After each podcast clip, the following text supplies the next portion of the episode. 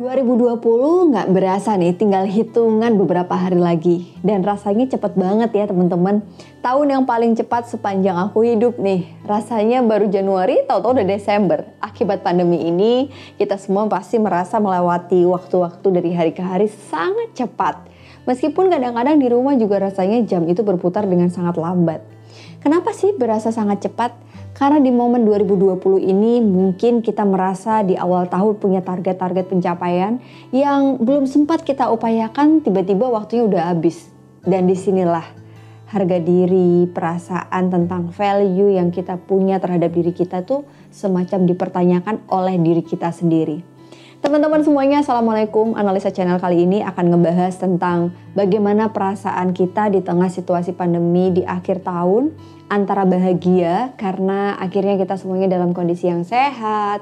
Beberapa juga sudah melalui fase-fase sulit di awal-awal kemarin, tapi lega juga karena akhirnya ternyata kita survive meskipun hampir semua resolusi yang tercapai itu ternyata tidak semua uh, dialami oleh sebagian orang. Ada yang merasa kecewa, sedih, sebagian lagi ada juga yang merasa seperti bingung dan kehilangan value dalam diri. Aku sih ngerasa inilah saatnya kita menata kembali hidup kita supaya nanti di 2021 meskipun pandemi ini kita nggak ada yang pernah tahu ya sampai kapan, tapi kita tidak menghabiskannya dengan sia-sia. Oke, teman-teman, pertanyaan yang sering muncul belakangan ini adalah Mbak Analisa aku merasa diri aku nggak berharga. Aku merasa seperti gagal dan aku merasa seperti jauh banget dari target-targetku sebelumnya. Kadang-kadang perasaan yang kita rasakan terhadap diri kita tentang ketidakberhargaan atas pencapaian yang mungkin belum sesuai rencana, ini tuh menjadi sebuah value yang kita pertanyakan terhadap diri sendiri loh. Nah, beberapa orang tuh mempertanyakan, kok bisa sih hidup dia enak, kok bisa sih dia dapat privilege ini, kok bisa sih dia dapat title tertentu, tanpa melupakan satu aspek yang mungkin selama ini sering kita lupakan juga ada loh orang yang talented untuk lahir sebagai orang yang self motivated, tapi ada juga yang enggak. Pengennya sih sukses kayak dia, tapi hari gini kita masih nggak tahu apa yang mau dicari dalam hidup kita. Sehingga motivasi untuk melakukan lebih pun juga nggak muncul. Apalagi actionnya, motivasi saja nggak ada. Apalagi kalau kita bicara tentang concrete behavior yang muncul pada orang tersebut. She knows exactly apa yang dia butuhkan dan dia inginkan dalam hidupnya. Tapi satu sisi aku melihat ada orang yang berjalan seperti ya udahlah ngalir aja lah kalau gagal ya dicoba lagi.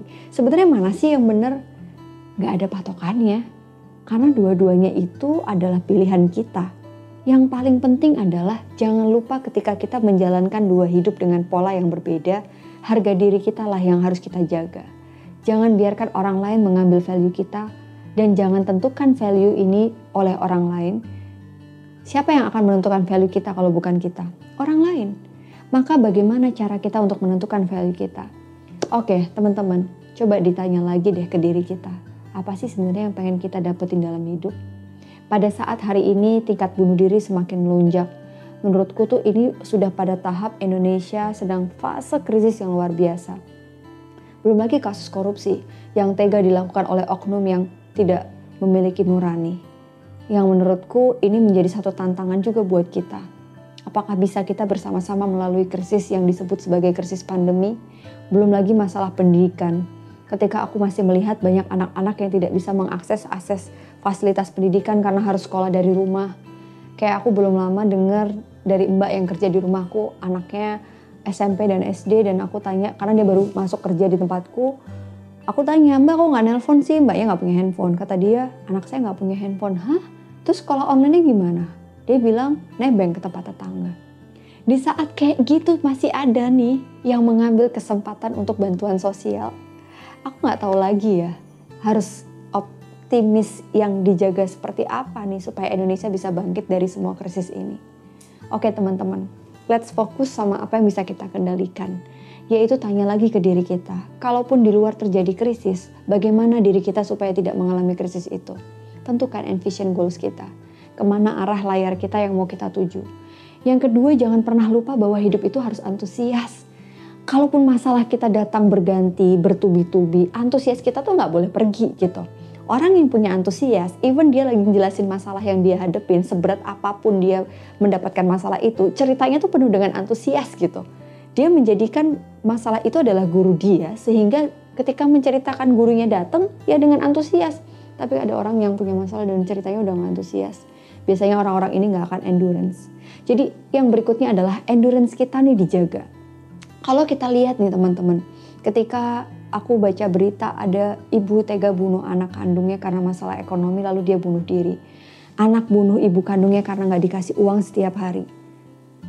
Apa iya kita masih mau ngeluh gara-gara hari ini berat sama pekerjaan kita? Apa iya kita mau ngasih ngeluh karena bisnis kita tidak sesuai rencana? Apa iya kita masih ngeluh karena hari ini kita nggak bisa piknik dan tamasya? Inilah saatnya kita punya satu daya tahan yang lebih tinggi daripada sebelumnya. Pandemi ini tuh seolah mengajarkan kita tentang banyak hal dalam kehidupan teman-teman. Bagaimana kita tutup tahun ini dengan satu spirit baru bagaimana kita tidak boleh menyia-nyiakan hari-hari terakhir untuk meraih lagi envision goals kita, untuk merangkai lagi antusiasme kita, untuk melihat lagi apakah endurance kita bisa ditingkatkan dan bagaimana kita bisa ada di titik itu. Bagaimana kita ada di level yang spirit kita harus dijaga. Oke, teman-teman, ketika kita bicara tentang value dan personal value itu sepenting apa? itu ibaratnya ya kalau aku lihat kalau kita tuh jadi Iron Man ya mau kayak apa pun musuhnya ya kita tetap jadi Iron Man. Mau kita tuh mobil tua kalau emang kita itu berharga dan kita akan dicari sama orang lain. Aku melihat orang-orang sukses dengan title-nya dengan privilege yang dia miliki, dia punya value yang berbeda. At least dia punya satu reason kenapa dia harus meraih apa yang dia inginkan. Motivasi itulah yang dia punya yang nggak dimiliki sama orang lain. Pertanyaannya kalau saya terlahir sebagai orang yang nggak punya motivasi gimana Mbak Analisa? Saya kayaknya sampai nggak tahu personal reason saya apa, personal value saya apa. Kalau kita nggak tahu jawabannya apa, jangan salahkan ketika orang lain menentukan value-mu.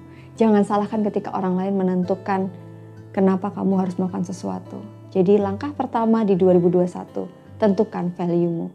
Personal value yang dibentuk dari sebuah envision goals and vision goals yang diiringi dengan sebuah rasa antusias menyambut hal yang baru.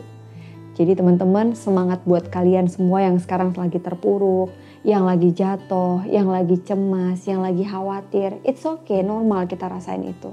Tapi jangan pernah satu hal personal value kita diambil oleh kecemasan yang kita rasakan di tengah situasi ini.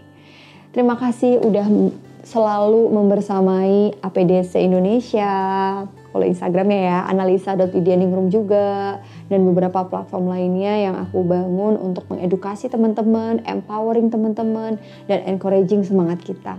Yang pastinya thank you banget buat para subscribers yang udah selalu komen, share video ini. Aku ngerasa ini yang membuat satu valueku tahu kenapa aku dan tim gak boleh berhenti untuk bikin konten. Seneng loh waktu itu ada yang komen, Mbak biasanya hari Rabu tuh YouTube-nya Mbak Ana uh, ini nih upload video baru kok ini udah hari ini nggak ada? Berarti artinya kalian nunggu-nunggu. Sorry ya aku lagi banyak banget kesibukan kemarin jadi sempat keskip beberapa kali untuk nggak bikin konten. Tapi insya Allah kalau kalian pengen aku share sesuatu dengan kalian coba lihat di kolom chat ini apa sih yang teman-teman pengen aku bahas di tahun 2021. Kira-kira 2021 ada masukan apa nih buat channel analisa? Mungkin bosen sama backgroundnya, mungkin bosen liat aku ngomong mulu, atau mungkin bosen ngebahas psikologi. Boleh loh kalian kasih masukan buat kita supaya kita tahu nih kira-kira konten apa yang akan mewarnai di 2021 nanti untuk analisa channel. Terima kasih ya udah nonton analisa channel selalu. Terima kasih, sehat selalu. Assalamualaikum.